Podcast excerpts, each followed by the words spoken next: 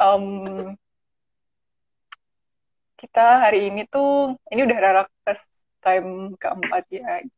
Nah sebelumnya nih mungkin buat teman-teman yang bingung uh, topik sebelumnya kita ngebahas apa. Nah ini tuh teman-teman bisa cek di Instagramnya Sekar nanti dan aku. Jadi tiap Rarakes yang episodenya genap itu akan diupload di GTV ku. Kalau yang ganjil ada di GTV-nya Sekar gitu. Yeah. Nah sekarang episode keempat ini kita ngebahas puasa plastik. Masih berhubungan dengan tema kemarin, karena kemarin kita ngebahas food waste on Ramadan. Tuh. Dan sekarang kita ngebahas puasa plastik masih di momen yang sama. Gitu. Halo Mbak Gaya. Nah, um, oke, okay, kita sambil nunggu Sekar nyeting kameranya. Um, Oke, okay, udah. Audio, audio kar. Seperti gitu. gitu. Halo Mas Andreas. Oke. Okay.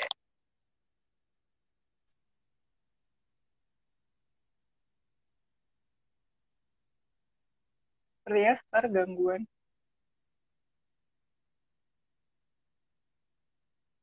Kedengeran?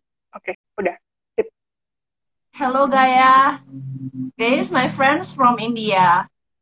Hello. Oh, hi. From Indonesia. How are okay. you? okay, this mulai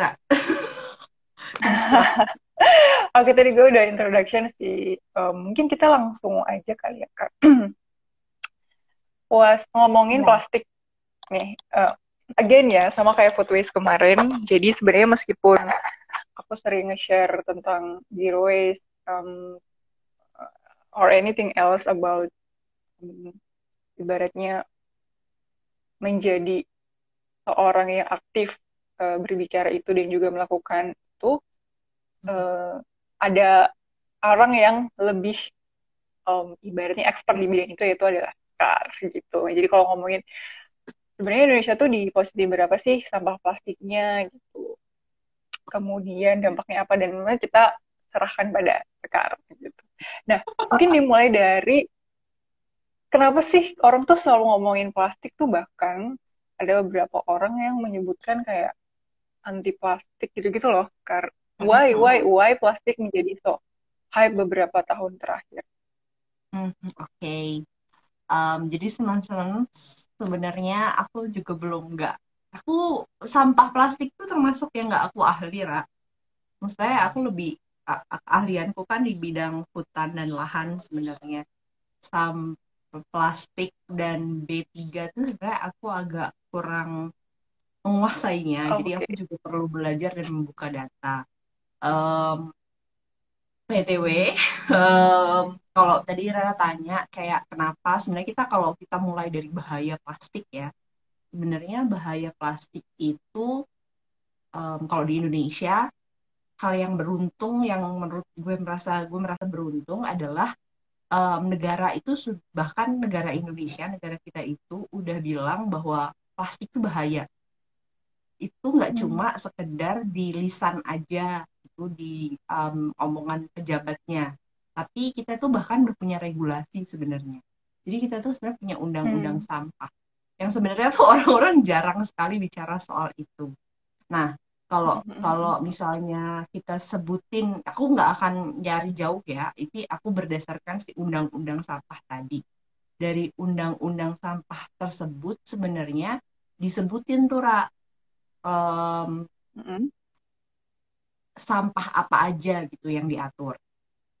Di situ tuh ada pembagiannya, kayak um, secara besar itu ada sekitar enam. Jadi sampah yang mengandung bahan berbahaya dan beracun, mengandung limbah dan okay, bahan berbahaya dan beracun, terus hmm. um, timbul akibat bencana, pembongkaran, terus sampah teknologi, sampai yang timbul secara tidak periodik. Tapi di situ sebenarnya yang menarik itu adalah um, bahayanya. Dia tuh di bahaya di situ tuh disebutin gitu.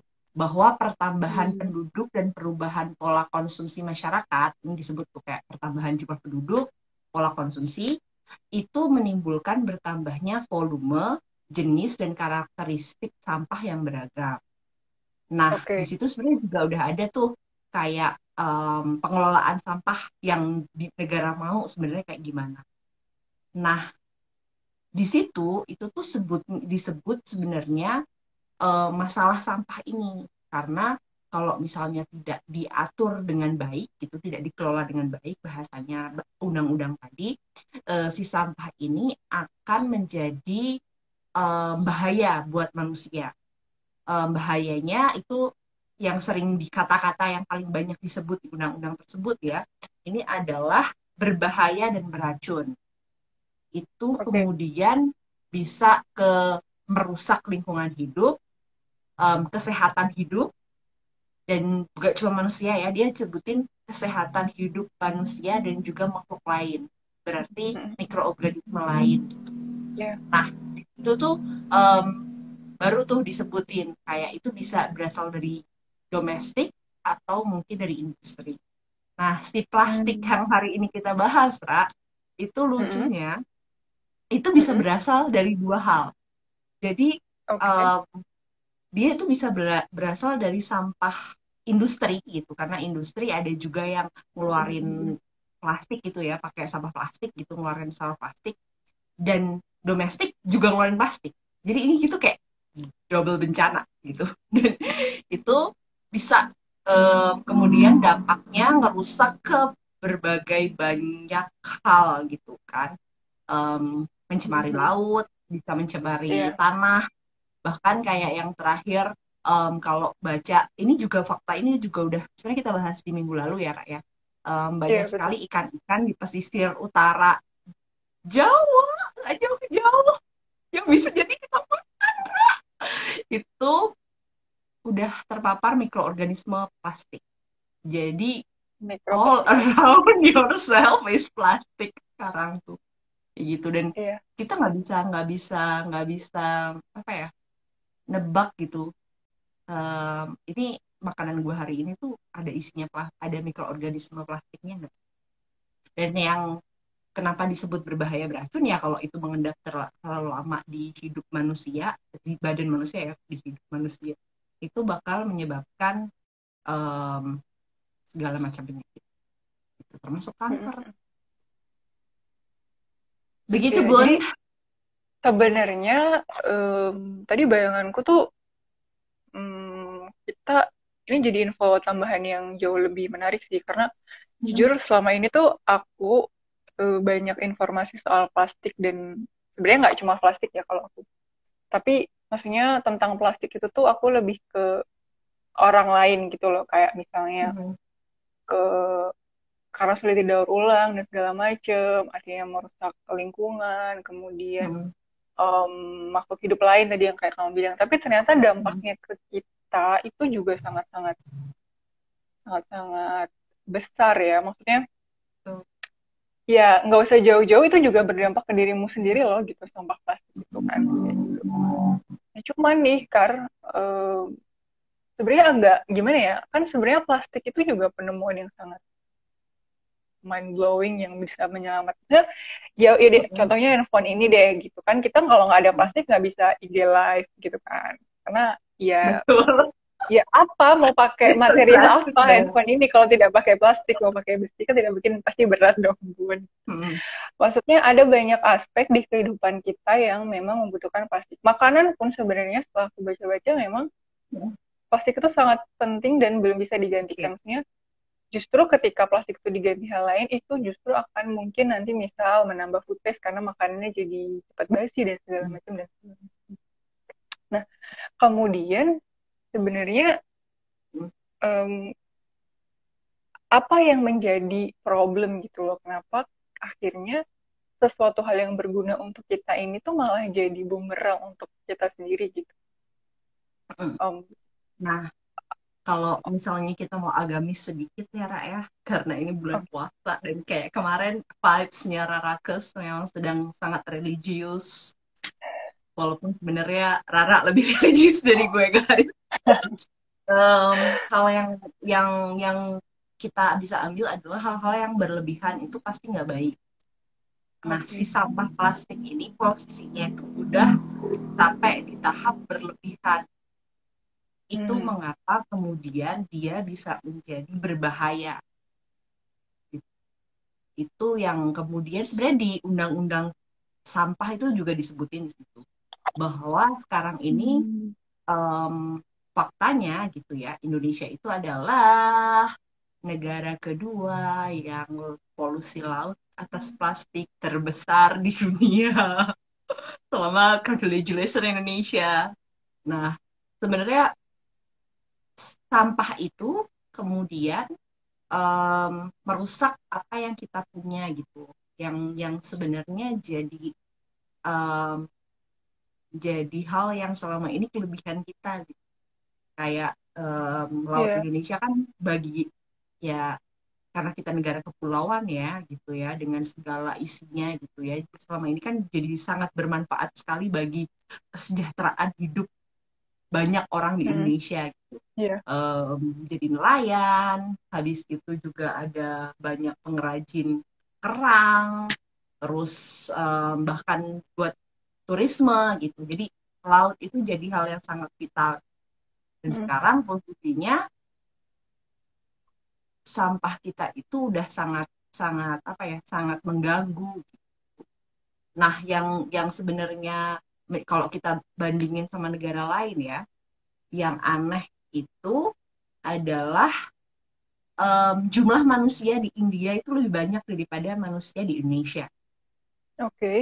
Tapi tapi kemudian um, pencemaran tingkat pencemaran plastik di India di laut itu cuma um, 0,9 sampai 0,2 0,024 eh 0,24 juta which is itu dia nomor 12 serat posisinya secara um, dunia.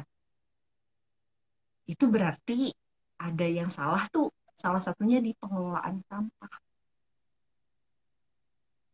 gimana orang dengan dengan dengan dengan dengan jumlah manusia yang lebih banyak mereka bisa lebih baik menjaga uh, dirinya dari polusi.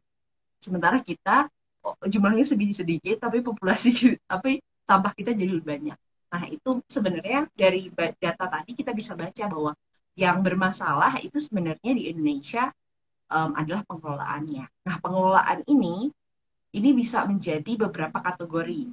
Pertama adalah kategori domestik tadi, bagaimana kita secara individu mengelola diri kita um, dengan sampah-sampah kita um, dan secara keluarga juga bisa jadi secara komunal. Terus kemudian itu naik dulu tuh ke komunal yang lebih tinggi lebih tinggi. Ada level um, RT, RW, kelurahan dan sampai kayak biasanya kita dengar dengar dengan TPA. Nah, di sisi yang lain itu ada sampah yang dihasilkan oleh komersil. Nah, bagaimana hmm. sampah komersil ini kemudian dikelola? Nah, si sampah komersil ini sebenarnya nggak cuma perusahaan yang menghasilkan sampah plastik, tapi juga bagaimana perusahaan yang membuat plastik mengontrol diri mereka sendiri. Itu mengapa kalau kita lihat kampanye-kampanye Greenpeace, itu mereka nyasarnya ke produsen-produsen plastik gitu. Karena selama hmm. produsennya nggak berubah, ya akhirnya um, perubahan yang terjadi itu hanya levelnya kecil-kecil Nah, yang berikutnya adalah yang amanatnya si undang-undang pengelolaan sampah gitu. Undang-undang mm -hmm. sampah sih biasanya kami sebutnya. Itu gimana bahwa pemerintah berperan besar sekali untuk menciptakan pengelolaan sampah yang eh, maksimal.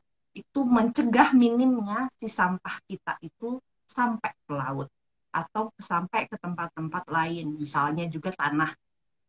Karena bisa jadi ketika sampah plastik juga banyak di suatu tanah itu akan mengurangi kesuburan si tanah dengan kayak gitu, gitu.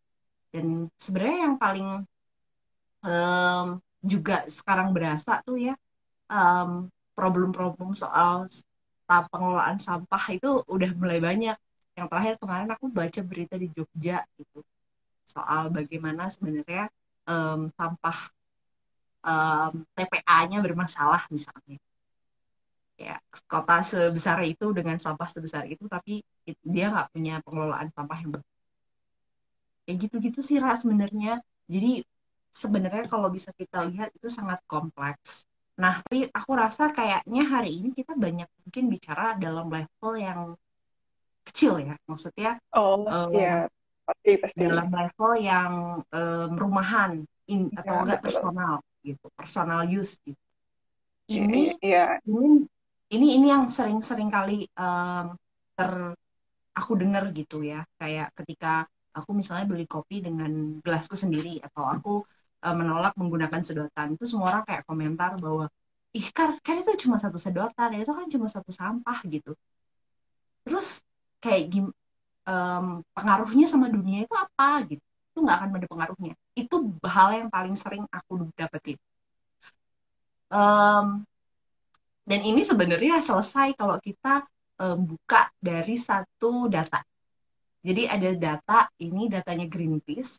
Um, apa namanya bahwa yang paling banyak um, plastik itu dipakai itu adalah untuk pembungkus makanan itu termasuk bungkus boba lo, bungkus kopi lo, bungkus snack bar lo, bungkus bungkus gado-gado. Kalau beli gado-gado pakai plastik atau beli tadi beli bukaan dengan plastik itu juga juga juga dihitung di situ. Jadi paling banyak itu adalah sampah yang dihasilkan individu sampah plastik yang dihasilkan individu dari penggunaan makanan gitu, makanan dan minuman ya. ya. Baru kedua itu yang paling besar itu ter, um, terkait dengan kebersihan. Nah, ini kebersihan hmm. tuh kayak odol, ya. terus juga rinso, terus um, pewangi dan lain sebagainya. Kayak gitu. Jadi uh, mungkin itu nilainya kecil, tapi kalau ketika kita konsumsi setiap hari dan itu sering gitu ya, um, seumur hidup kita akan makan, Ra. Dan iya, kalau kamu setiap makan kamu akan butuh plastik berarti kan ya seumur hidup itu dikalikan dengan gitu dengan dengan dengan apa ya dengan seumur hidupmu. Um, gampangannya lah kayak aku misalnya nih uh, misalnya aku nggak di rumah ya terus kayak harus terus makan di luar gitu. Sehari makan tiga kali. Kalau aku ke warteg uh, tiga kali sehari setiap ke warteg atau ke warsun aku harus ngambil satu bungkusan itu dibungkus pakai plastik. Sehari aku bikin tiga rak tiga sehari. Iya. itu seminggu iya. ada dua puluh satu. Itu kalau satu dikali setahun ada berapa? Itu aku sendiri nih ya jadi ya menurutku um, sedikit gerak itu tetap akan berpengaruh sih kalau apalagi kalau ya. itu dilakukan banyak orang ya Oke, okay. gue stop dulu ya, Kar. Karena gini, kenapa hmm. tadi gue nanya hmm. the whole thing-nya tuh kayak gimana? Karena sebenarnya gini, hmm. ada banyak orang, banyak orang yang aku yakin dia mereka berpikir seperti itu tanpa bicara, tapi juga ada yang juga itu bicara, maksudnya ngomong ke aku ya. Hmm. Kalau um, tadi seperti yang kamu bilang, apa yang kita lakukan itu dampaknya kecil dan mereka tahu data di mana 70 oh, mungkin kamu bisa koreksi aku sekian hmm 70%, maksudnya lebih dari 50% kerusakan lingkungan hmm. itu bukan kita sebagai individu tapi ya tadi industri, hmm. kemudian pemerintah, itu semua sebenarnya tanggung jawab mereka. Maksudnya ketika kita cuman menyelamatkan ini tuh uh, sorry, ketika kita cuman ibaratnya mengurangi sampah plastik, kemudian melakukan hmm. berbagai macam itu tuh efeknya sangat-sangat sedikit. Nah, tadi kenapa makanya hmm. aku ngebahas keseluruhannya dulu. Tapi kemudian yang menarik adalah um, kalian tuh tidak sadar kons uh, sebagai konsumen kalian tuh punya power. Aku tiba-tiba pengen nyanyi power EXO. Sorry guys. Karena gini, oke okay, aku kerja, aku kerja dulu di um, ya di riset pasar ya, mungkin beberapa ada yang tahu. Konsumen itu punya um, power teman-teman. Kalian harus sadari kalian punya karena sebenarnya decision makingnya di kalian. oke okay, segala marketing segala ilmu keilmu keilmuan yang segala macam itu tuh mengarahkan kalian untuk membeli sesuatu ya kan diskon hmm. Itu ada ilmunya loh. Semua promo marketing everything digital itu semua ada ilmunya untuk me Hai hmm. Sekar belilah barangku. Hmm. tapi kalian punya hmm. uh, kemudian power untuk aku nggak beli ini atau oke okay, aku beli dengan uh, syaratan ini ini. Jadi konsum, uh, konsumen tuh suka nggak sadar kalau dia itu punya kekuasaan.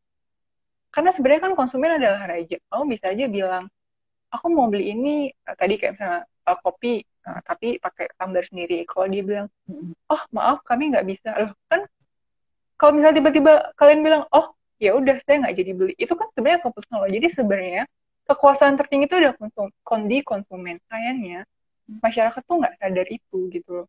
Hmm. that's why kenapa uh, kampanye itu dimulai dari berbagai lini. Kayak tadi ada yang bilang hmm. dimulai dari produsen. Itu ya biarlah para aktivis yang mengerti regulasi dan hmm. anything else itu ke sana tapi buat teman-teman yang individu dan ya maksudnya um, tidak semua orang kemudian punya capability dalam ngurus itu kan gitu. makanya hmm. yang paling bisa kita lakukan justru yang kecil-kecil itu tadi yang Sekar bilang itu tadi gitu hal-hal hmm. yang bisa yang bisa kita kontrol lah istilahnya gitu kan hmm kita beli hmm. makan tanpa plastik itu kan sesuatu hal yang bisa kita lakukan daripada misalnya ketika kita memaksa mamang jualannya untuk nggak pakai plastik. Ya kan nggak mungkin dong kayak gitu kan.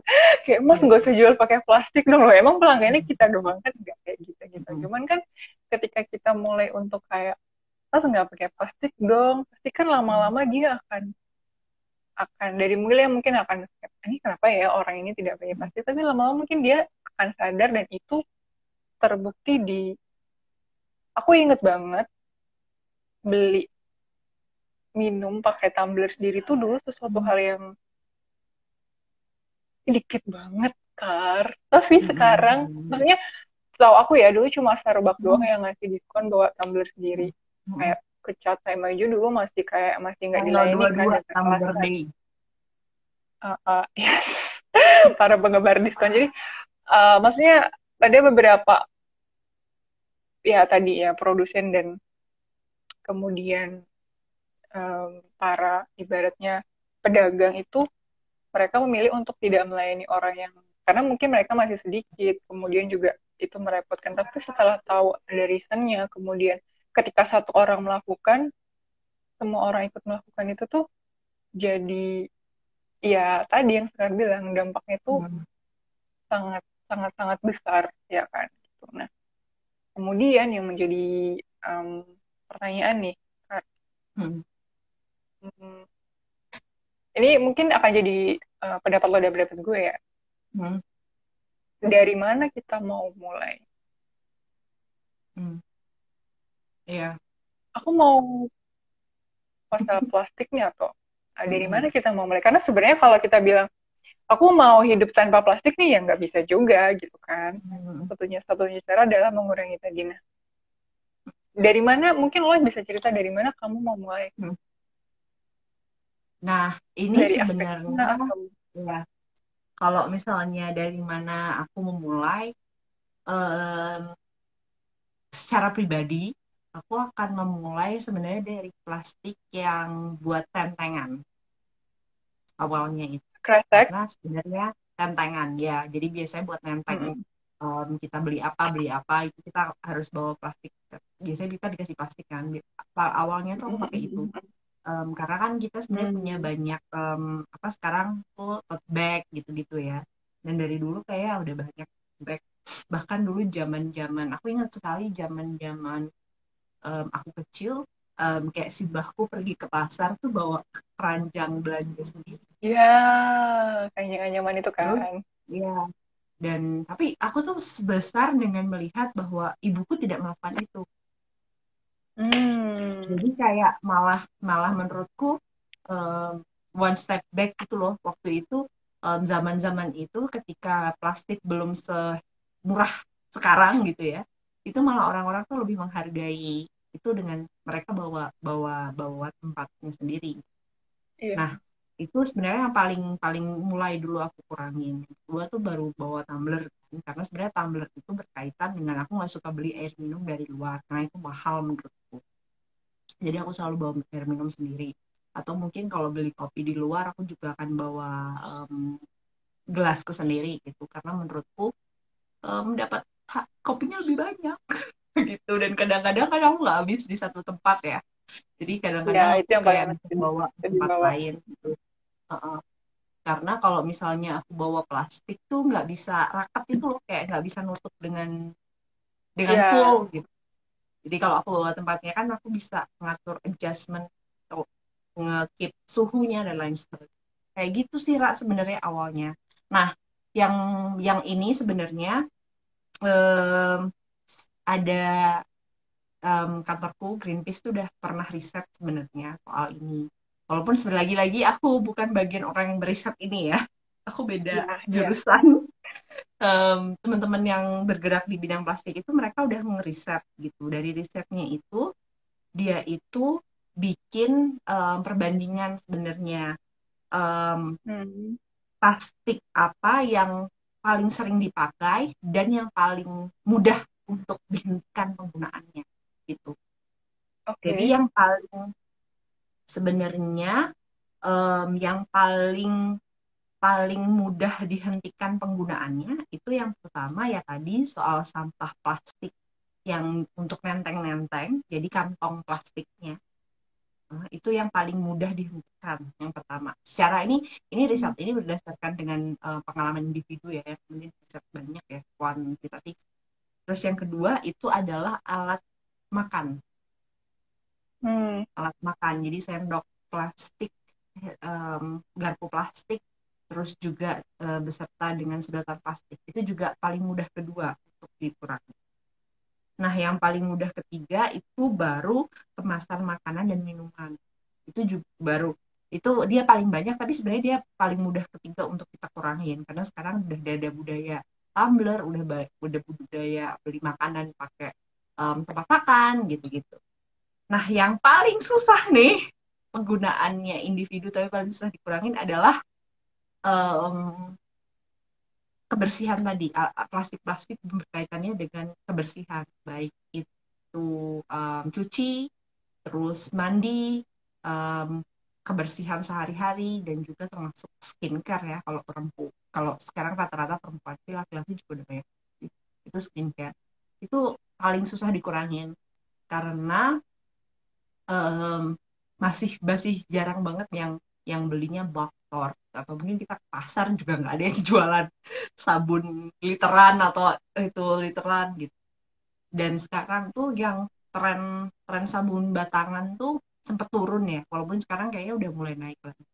Jadi sabun-sabun yang bahkan sabun dan sampo bar yang dia dibungkus pakai kertas itu kan sempat turun tuh trennya. Nah itu juga hmm. berpengaruh dengan jumlah banyaknya sih gue malah baru itu, tahu soal itu itu juga uh, sebenarnya itu kalau misalnya itu pengalamanku dan itu sebenarnya hal yang dimulai di riset. Nah itu kalau dariku, kalau dari kamu gimana Ra? Mana yang paling mudah untuk dikurangi makanya? Oke, okay. kalau dari oke, okay, aku tuh sebenarnya mulai aware terhadap ini semua tuh kan SMA kan. Hmm. So, nah ini nih yang lucu. Kamu tahu kan basicnya hmm. Tapi ada tapi sebenarnya nah ini ini mungkin yang beda ya. So ibuku itu dari dulu anti plastik kalau soal bungkus makanan khususnya panas. Bukan karena faktor lingkungan karena dulu informasinya beliau nggak tahu.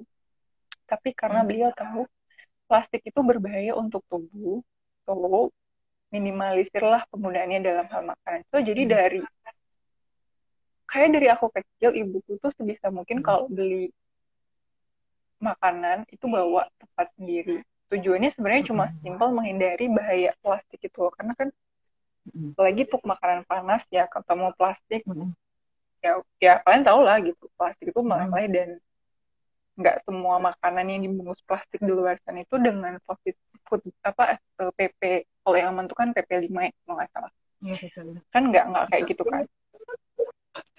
Aku inget banget apa? kita bahas ini waktu SMA kayak PP berapa ya? PP berapa? Iya, yeah, gitu. oh, terus tuh ya terus nah kalau ayahku sudah mengajarkan aku selama kamu nggak bisa nggak perlu pakai kresek ya nggak usah. Kadang kan kayak ke warung kayak gitu gitu kan kayak segala beli apa itu kan kadang di kresek kan sebenarnya bisa aja di teng atau dibawa tas gitu ya kalau lagi. Nah cuman ah itu. Jadi memang uh, dua hal itu yang cukup melekat di aku kresek dan uh, apa tadi namanya um, sampah mak eh, sorry plastik makanan. Itu sih karena memang sebenarnya kan yang sekar omongin tadi kayak makanan sampo itu kan sebenarnya masuk FMCG ya. Jadi emang suatu hal yang sangat berjalan sangat cepat gitu loh kan. Uh, FMCG itu fast moving uh, consumer good jadi emang barang-barang kebutuhan manusia yang hmm cepat. Makanan tuh kan berapa kalian makan sehari? Kan tentu tiga kali ya kan kalau idealnya. Tapi juga ada yang lebih belum snacknya segala macam. Terus kemudian kebutuhan-kebutuhan untuk uh, hygiene. Itu kan juga ya dua hal itu tuh dua hal yang nggak bisa kita nggak bisa kita kurangi gitu loh ya kan. Gitu. Nah uh, kemudian um, hal yang bisa dikurangi itu um, kalau aku adalah hmm, mungkin agak-agak berat ya tapi ke mindset jadi gini ada banyak aku sering menemukan aku nggak tahu apakah ini juga termasuk dengan poin hmm. sekar di mana kenapa sih Indonesia tuh plastiknya banyak apakah karena hmm. suka yang instan-instan aku agak bertanya-tanya sebenarnya kayak misalnya nih hmm. Hmm, sering banget nemu hmm. makanan. Contohnya nih ya kan bikin um, pesan-pesan itu snack-snack hmm. luarnya udah pakai plastik dalamnya pakai plastik lagi. Jadi kayak luarnya tuh plastik yang multi layer terus nanti ada wadahnya yang pakai plastik itu. Nanti dalamnya ada plastik lagi. So dalam satu makanan yang kamu beli itu kayak ada berarti tiga macam plastik kali ya gitu lah intinya hmm. itu yang pertama yang kedua suka banget oh,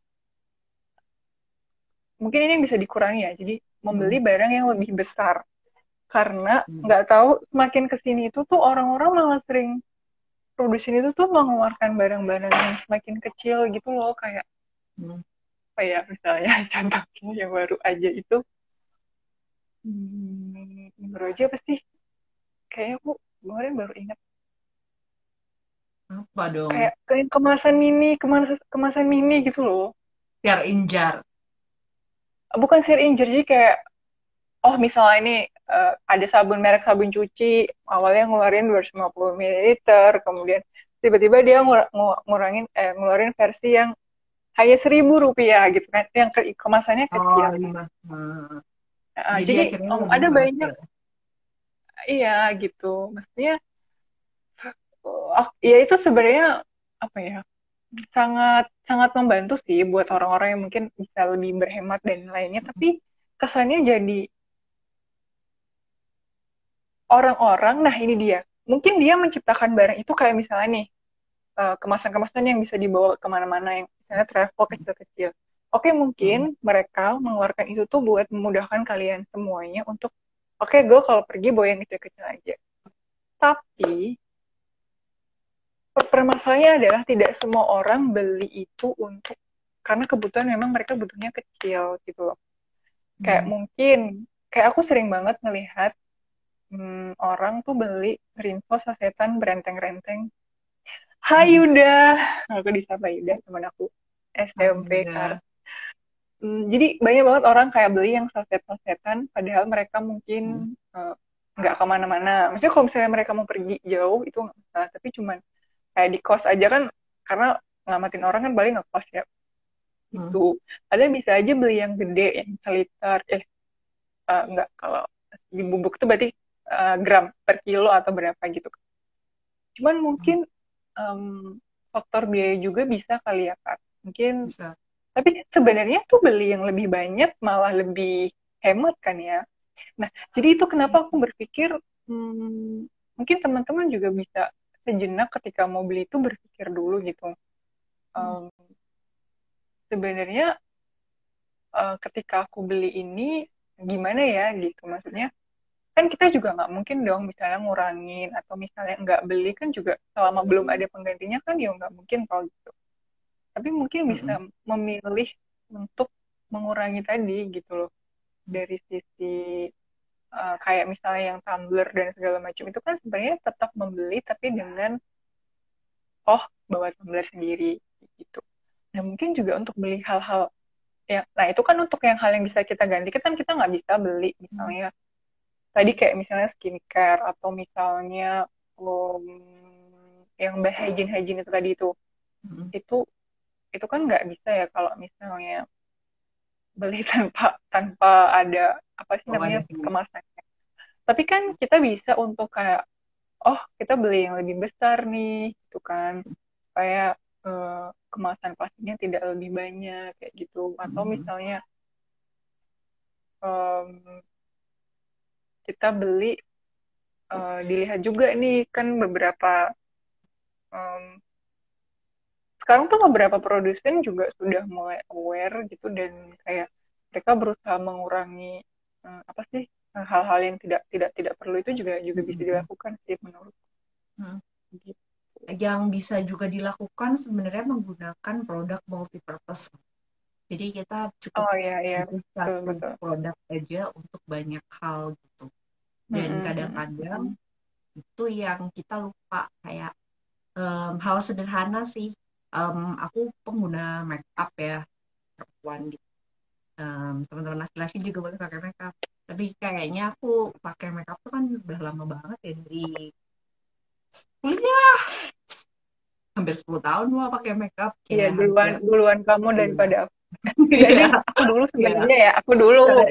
Tapi aku aku dulu tapi terus aku males.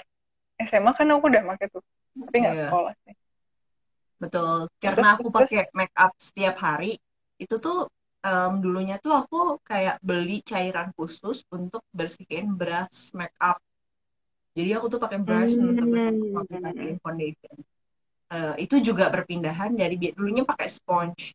Dan akhirnya aku pilih milih untuk pakai brush. Karena um, sponge itu hanya bisa dipakai tiga bulan. Yeah. harus diganti. Um, nah brush itu aku udah pakai sekitar yang sekarang aku pakai itu udah kayak tiga tahun aku nggak ganti. Nah itu juga lebih awet, juga ganti pilihan dengan ganti brush. Nah dulu tuh aku beli cairan khusus buat uh, bersihin brush. Dan ternyata ketika aku bajak kandungannya itu sama dengan um, sabun cuci piringmu dicampur sama sampo. Iya emang. Jadi akhirnya, jadi akhirnya akhirnya aku udah gak pernah beli lagi cairan-cairan itu. Aku bikin sendiri. Soalnya aku campurin itu kedua. Kayak gitu.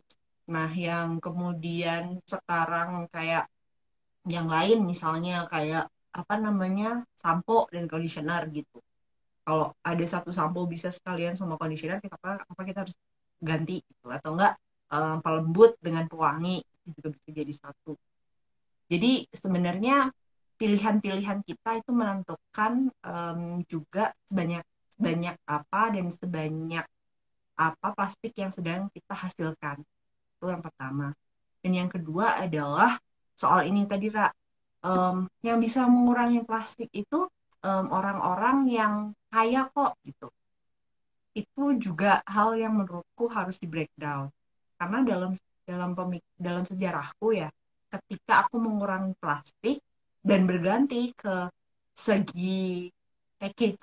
Apa apa um, pilihan yang lain itu bahkan kadang-kadang jadinya jatuhnya lebih murah. Misalnya yes, benar. Um, misalnya gitu kayak uh, um, awalnya aku harus uh, beli beli makanan tuh harus satu pack gitu harus harus berapa gram gitu Nah, sementara kalau aku beli curah ke tukang snack, sementara aku bawa toples sendiri misalnya, aku ya bisa beli segitu aja, aku nggak perlu ikut dengan kemasan mereka. Itu sesuai betul, juga betul. dengan konsumsiku. Gitu. Jadi aku nggak akan per, mengkonsumsi berlebihan ya, dan uang yang dikeluarkan juga jadi lebih murah. Dan bahkan kalau yang sekarang itu ngetren di um, um, negara-negara barat itu adalah Hmm. penggunaan Bagus. um, penggunakan sustainable packaging yang itu sebenarnya dari daun, dari bambu, um, dari hal-hal yang dari alam gitu ya. Dan itu sebenarnya hal-hal yang dipraktekkan ah, sama kakek nenek kita di zaman dahulu. Iya, malah sebenarnya lebih Nah. lebih masih lebih dekat kita kan. Betul, dan itu sebenarnya lebih murah juga sebenarnya kalau dihitung dengan kita. Walaupun kemudian um, itu harus kita pikirkan dengan bagaimana um, kelestarian dari si apa namanya tanaman yang kita pakai untuk packaging kan. Kalau di daerah kita kan masih banyak banget tuh Ra, kayak membungkus makanan dengan daun jati atau daun daun pisang. Mm-mm. Dan Betul. sebenarnya itu pilihan yang lebih murah, sekaligus murah dan juga sekaligus lebih ramah lingkungan karena kita nggak perlu plastik. Ya, iya, betul betul. Dan um, bener sih kata Sekar tadi. Dan sebenarnya kalau ngomongin yang tadi kita yang tadi aku bilang, sebenarnya ketika kita beli kemasan yang lebih besar itu jauh lebih murah gitu loh. ya kan? Kemudian yang kedua, ini kalau teman-teman mungkin di daerahnya punya baktor, mending di, dikunjungi. Jujur itu pas aku ngekos dulu sangat membantu karena tadi kita bisa beli sedikit aja gitu loh. Kayak Hmm. kayak misalnya nih mau beli apa ya dulu yang sering tuh parsley kering atau oregano kering tuh harus beli yang satu botol padahal mak masak pasta ya namanya anak kosan ya dulu anak kosan kuliah ya dia nggak punya uang banyak-banyak banget jadi kayak rugi banget kan gitu. tapi kalau kita ke tempat-tempat kayak gitu kita cuma bisa beli beneran yang kira-kira ya ya secukupnya gitu dan Hmm, selain hmm, lebih murah tentu nggak bakal kebuang gitu kan sih teman-teman pernah lah merasakan punya stok makanan bumbu atau apa pun nggak kepake karena belinya nggak bisa ya hanya ada itu gitu. hmm, kemudian hmm. kebuang nah ini yang sebenarnya menarik kar Hmm. Hmm, jujur di beberapa daerah itu tuh jangankan puasa plastik ya Hmm. Hmm, plastik aja itu masih di nggak tahu sih kalau di tempat aku aku nggak tahu di tempatmu di tempat aku tuh belum ada sampah belum ada belum ada hmm, orang Pengelolaan. uh, yang ngambil sampah iya itu nggak ada Iya. jadi sampah itu dikelola individu aku juga nggak ada. Nah ini masih banyak di beberapa tempat jadi Hmm. jadi memang sebenarnya em, menurut aku ya ngomongin soal sampah khususnya plastik itu Hmm. sangat personally Hmm. Hmm, kayak yang Sekar tadi bilang, kalau kita ngomongin skincare, mungkin eh, di aku, aku bisa mengurangi skincare ini. Eh, Atau misalnya makeup ini. Tapi di beberapa orang kan enggak ya. Maksudnya kayak buat yang masalah, punya masalah berikut parah, kayak aku dan Sekar ini, nggak bisa menghilangkan skincare gitu. Jadi tetap Hmm. harus pakai skincare. Otomatis sampah skincare-nya kan tetap ada. Cuman kan kita bisa sekarang mungkin teman-teman yang belum tahu kita bisa ngirim eh, kalau punya bank sampah di dekat rumah bisa dikirim atau bisa juga ngirim ke ke misalnya waste for change atau Hmm. Apalagi sih biasanya kalau yang sampah botol Drop drop bank sampah terdekat lah iya istilahnya. bank sampah sebenarnya paling enak tuh bank sampah terdekat sih Iya. Walaupun di Wonogiri agak jauh ya Bu. Gitu. tidak ada eh, ya gitu nah cuman itu yang teman-teman bisa lakukan itu mm, menurut aku personal banget sih eh, apa yang teman-teman lakukan itu based on apa sebenarnya eh, sehari-harinya teman-teman nah karena ya itu di buktinya di tempatku dasar tuh jangankan ngomongin zero waste wa- plastik em, ataupun yang lain sampahnya aja masih eh, ibaratnya dibakar itu kan itu kan suatu hal yang Betul, sebenarnya betul. Punya aku juga dibakar. salah ya gitu tapi nggak bisa Hmm. kalau misalnya jadi ketika misalnya aku berjuang untuk mengurangi sampah plastik gimana caranya ini dikelola dengan baik Hmm. ada ibuku yang berjuang mengajak orang-orang untuk ayo kita eh, ibaratnya tidak membakar sampah dan itu belum berhasil jadi Hmm. the kind of um, bagaimana kita ibaratnya apa ya hmm. proses kita dari yang kita mulai mungkin nggak tahu apa-apa kemudian hmm. buang sampah masih sembarangan dan segala macam itu tuh sampai kemudian kita sadar kemudian mengolah sampah dengan baik kemudian bisa mengontrol sampah kita dan segala itu sebenarnya proses yang yang panjang dan sangat-sangat sangat personal gitu menurutku. Hmm. Um, uh, iya kan, orang, gitu. benar. Setiap iya, orang benar, benar kan gitu. Um, alurnya sendiri-sendiri sih. Ini iya, iya, betul. Perjalanan masing-masing individu menjadi berarti menurutku hmm. dalam konteks ini karena ya hmm, semua orang berada di titik yang sama bahwa kita punya lingkungan yang sadar dengan uh, pengelolaan sampahnya gitu. Atau mungkin bahkan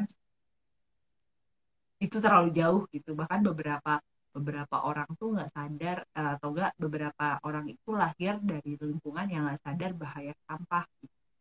kayak dia masih dalam uh, menurut menurut dia um, menurut dia dan lingkungan ya saja ya. Itu kayak merasa bahwa ya sampah ya ya ya bisa diselesaikan dengan cepat gitu. Nggak perlu beribet-ribet lagi. Mm-hmm. kayak itu jadi bagian dari privilege sih sebenarnya ya um, kayak kayak sebenarnya kan kalau kita coba cek ya ini dulu kayak aku sempat ngobrol sama beberapa orang teman.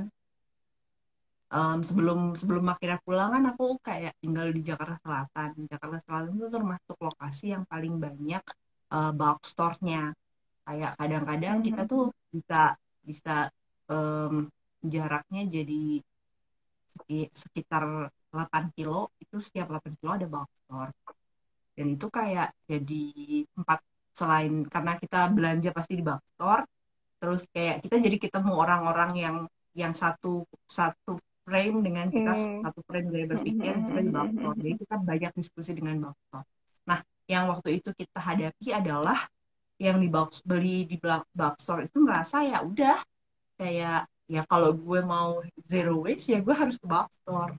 Padahal kamu tuh nggak perlu harus ke box store untuk selalu zero waste gitu. Karena kamu yeah, bisa yeah, juga ke pasar tradisional but kamu tetap betul. jadi zero waste gitu. Kadang-kadang ini yeah. yang yang kemudian um, harus diubah ya kayak iya ini benar. Kamu jangan nunggu ke ada filmnya untuk merubah merubah pola konsumsimu. Yes that's why aku bilang apa. Yes kamu benar banget. konsumen tuh punya power. Mulai, kamu udah mulai merubah gaya konsumsimu terus kemudian mencari alternatif di dekatmu. Walaupun kemudian jadi aneh ya aku ingat banget waktu uh, awal-awal ke pasar terus bawa bawa apa ya bawa bag dan juga membawa um, ta apa tupperware sendiri itu tuh diketawain gitu. Terus kita dia emangnya muat kamu masukin ke ke tupperwaremu? Aku inget banget aku itu beli apa ya beli tahu muat nggak muat aku gituin. Terus ini plastiknya gimana ya udah usah pakai plastik nggak boleh plastik ya kayak gitu gitu bercanda bercanda gitu dan itu sangat lucu menurutku lucu karena itu at, at the time uh, di di waktu yang sama itu menjadi um, kemudian interaksiku dengan ibu-ibu um, dan bapak-bapak di pasar yang mereka yeah. jauh usianya dariku dan mereka um, kemudian bara, bar, belum bukan generasi yang terpapar tentang informasi ini jadi kami hmm. bertukar informasi sembari kami yeah. bertukar barang Terus um, kemudian yang aku sekarang mulai um, hal yang menurut baik juga ya itu dari beberapa kolektif yang dilakukan sama teman-temanku karena mungkin mm. ya tadi sih latar belakang aktivisme itu mungkin barangkali membuat kita punya banyak um, privilege tadi ya Ra. teman-temanku tuh udah yeah. banyak sekarang yang mereka tuh punya punya kebiasaan barter jadi kayak eh aku punya punya apa namanya punya uh, ketela pohon yang aku tanam di rumahku gitu um, ada yang mau nggak nih aku lagi butuh gula gitu. itu mereka barter hmm. dan di situ mereka juga jadi mengurangi sampah dan mengurangi uang juga karena mereka bisa mencukupi kemudian gaya hidup sendiri jadi intinya adalah mahal dan murah itu adalah hal yang bisa bisa di dikompromikan gitu yang penting adalah kamu memulainya untuk mencoba merubah gitu. karena ketika kamu mencoba merubah di satu sisi kamu akan membuka pintu alternatif-alternatif itu ternyata ada. Iya, Nah, betul. setelah kamu punya pintu alternatif, kamu tinggal ketok satu-satu. Nah, di situ kamu kemudian mencari peluang gitu. Mana yang cocok dan mana yang nggak cocok. Ini kemudian jadi pilihan personal. Gitu. Atau mungkin kalau konsumsinya keluarga jadi pilihan keluarga. Gitu.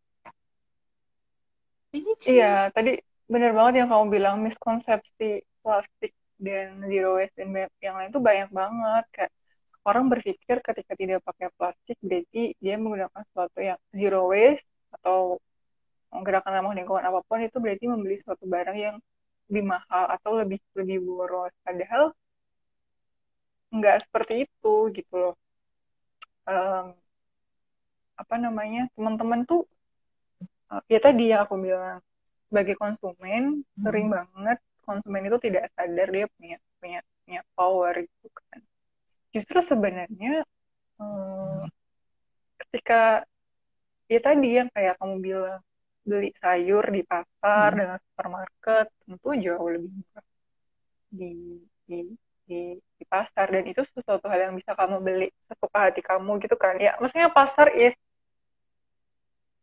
maksudnya bulk store itu ya pasar bun. Dulu aja kamu beli beras sebelum yang di set apa sih yang dibungkus mm -hmm. per kilo atau lima kilo itu kan ya nyendokin mau beli berapa kilo dan segala macam gitu. Mm -hmm.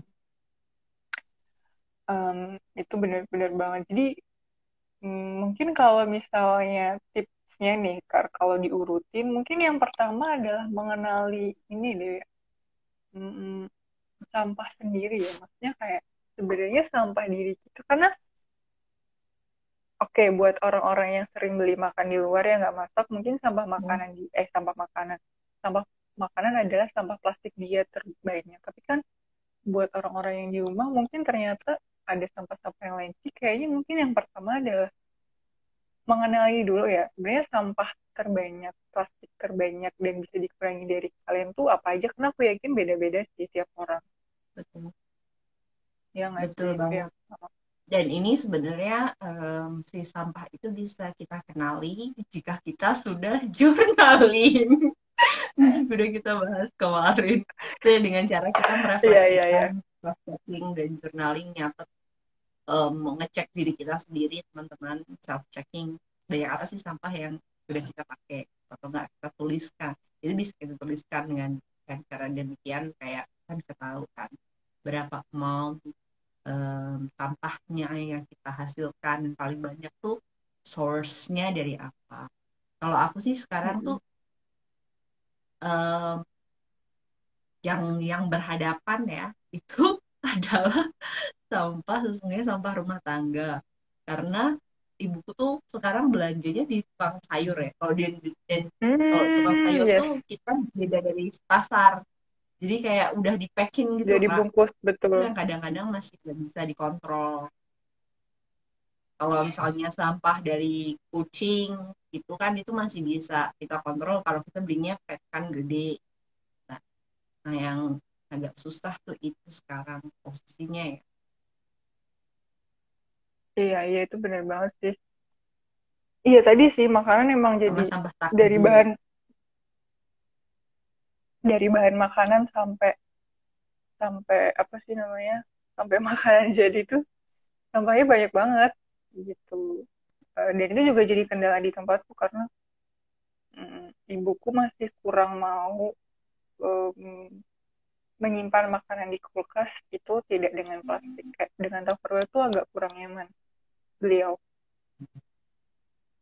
jadi tapi di beberapa aspek beliau ngurangi jadi Hmm, ya tadi sih, maksudnya orang punya jurnal yang beda-beda dan aku bukan orang yang memaksa siapa pun, termasuk ibuku. Jadi um, ya biarlah mereka kemudian berproses itu dengan cara mereka masing-masing.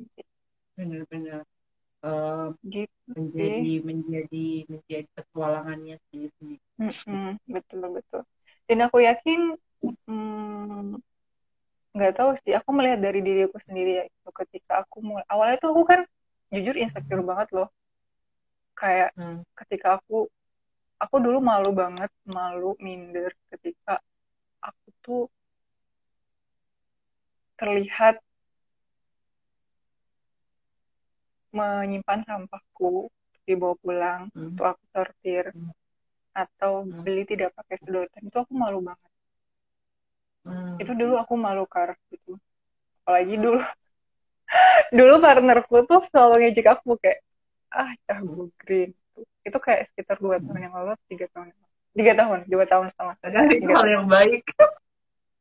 Tapi kemudian aku aku nggak tahan tahu aku tiba-tiba dapat sebuah keberanian akhirnya aku hmm. uh, akhirnya semua akhirnya aku juga berani di depan orang di sekitar kemudian bahkan di media sosial.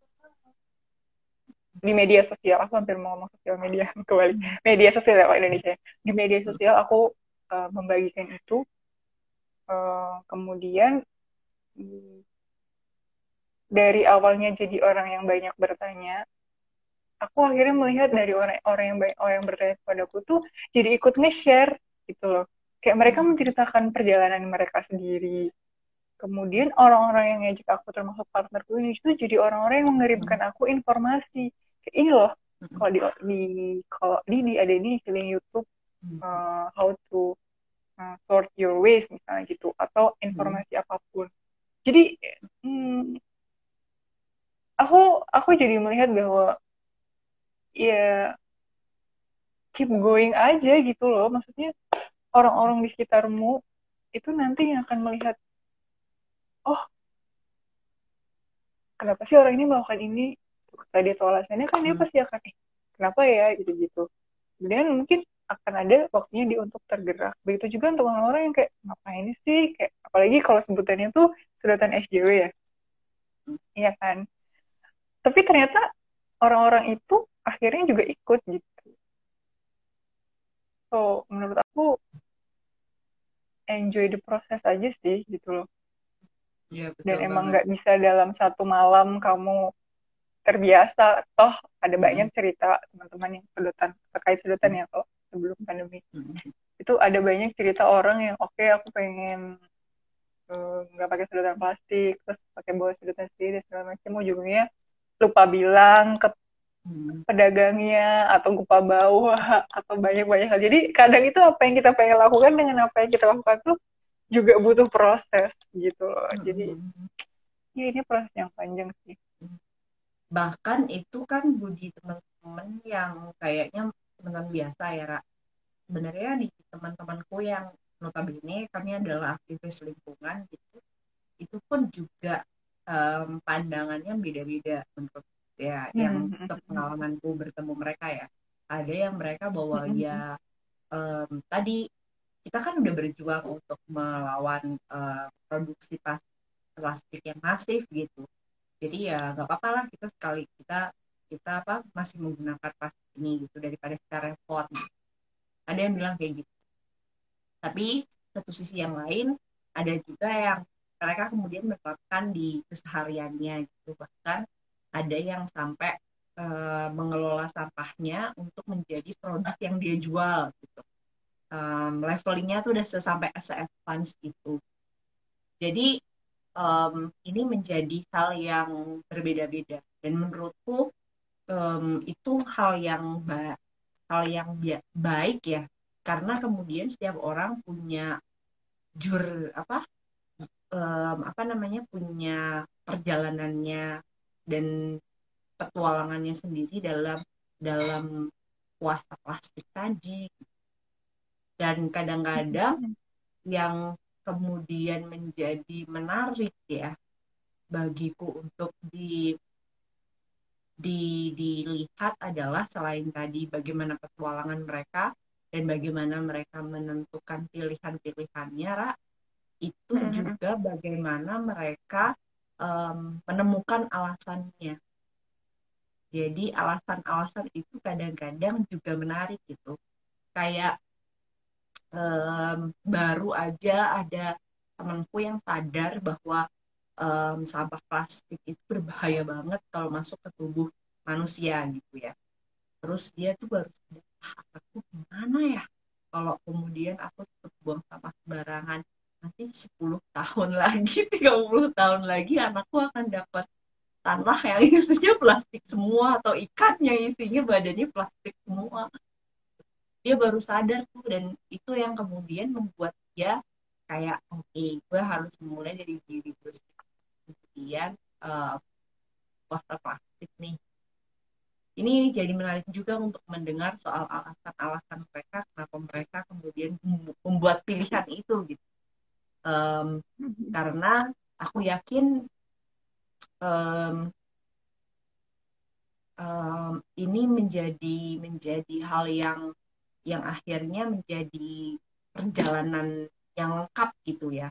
Karena petualangan itu kemudian disertai dengan alasan-alasan yang ada yang sifatnya sangat personal gitu ada yang sifatnya juga um, apa ya dirasakan bersama-sama gitu dan itu menjadikan um, proses merawat kita merawat bumi tadi bagian puasa plastik itu kan bagian dari merawat bumi itu menjadi lebih menyenangkan karena kita punya banyak insight dari situ. Iya. Begitu. Iya benar banget Kar. Jadi emang ya semua orang punya alasannya masing-masing dan bahkan yang alasanku tadi yang kayak kamu yang aku share tadi kalau sebenarnya alasanku tuh lebih ke aku tidak mau menyakiti orang lain dalam tanda kutip makhluk hmm. hidup lain tapi ternyata hmm. ada alasan lain juga uh, sorry ada faktor lain yang bisa kita jadikan alasan yaitu adalah itu tuh berpengaruh ke tubuh kita juga gitu jadi hmm. ya ketika sama sih ketika orang nanya sebenarnya apa sih yang harus dilakukan mau sebelum waste ya sebenarnya tanya kalau dulu awal-awal aku ditanya aku selalu baik nanya tujuannya apa dulu karena kalau sekarang sudah banyak ya kan dulu itu masih dikit dan aku aku cuma bilang susah loh hidup zero waste ya kayak tadi aku di EC hmm. bahasa Indonesia nya apa ya EC diejek, diejek. dibully kecil-kecilan di teman sama teman-teman karena weh ya gue grit gitu hmm. itu nggak nyaman meskipun aku kayak ya udah biasa tapi kan tetap tetap tetap nyaman dan kayak ada perasaan ngapain sih gue? gitu. Tapi karena ada reasoningnya ada alasan personalnya ya ya udah jalan aja. So, kalau cuma ngikutin tren aku yakin bisa berhenti. Jadi iya. silahkan um, cari mungkin. teman-teman di sini mungkin ada yang mau share atau ada pertanyaan. Sebenarnya waktu kita udah habis ini udah satu tiga oh gini aja kali ya. Mungkin kita close dan mungkin kalau teman-teman yang mau um, karena kan selama ini ada yang nge-DM juga gitu-gitu. Jadi mungkin um, komen aja di nanti IGTV ini kalau di default atau juga mau DM kalau misalnya um, mau apa sih namanya sharing-sharing soal sampah plastik hari ini. Karena waktunya udah habis. Ya maaf sih sebenarnya aku sama sekali juga punya kegiatan lain jadi kita cuma bisa di satu jam benar-benar satu jam di tiap Senin. Nanti kalau kita kebanyakan kalian lagi. okay, so um, thank you banget buat teman-teman yang udah gabung. Um, Sampai jumpa di Rarakes episode berikutnya. Um, Rarakes tuh Rara dan Tekar. Um, pamit undur diri dulu. Kita akan hadir setiap hari Senin jam 20 30 pas 30 kalau enggak khusus Ramadan. Okay. Ya, pas Ramadan. Kalau di setelah itu kita pikirin nanti gitu. Sampai jumpa semuanya. Okay, Selamat berpuasa. Ya, Sekar dan Mukenahnya cabut undur diri dulu. Zahra juga cabut undur diri dulu. Ya, tapi balik.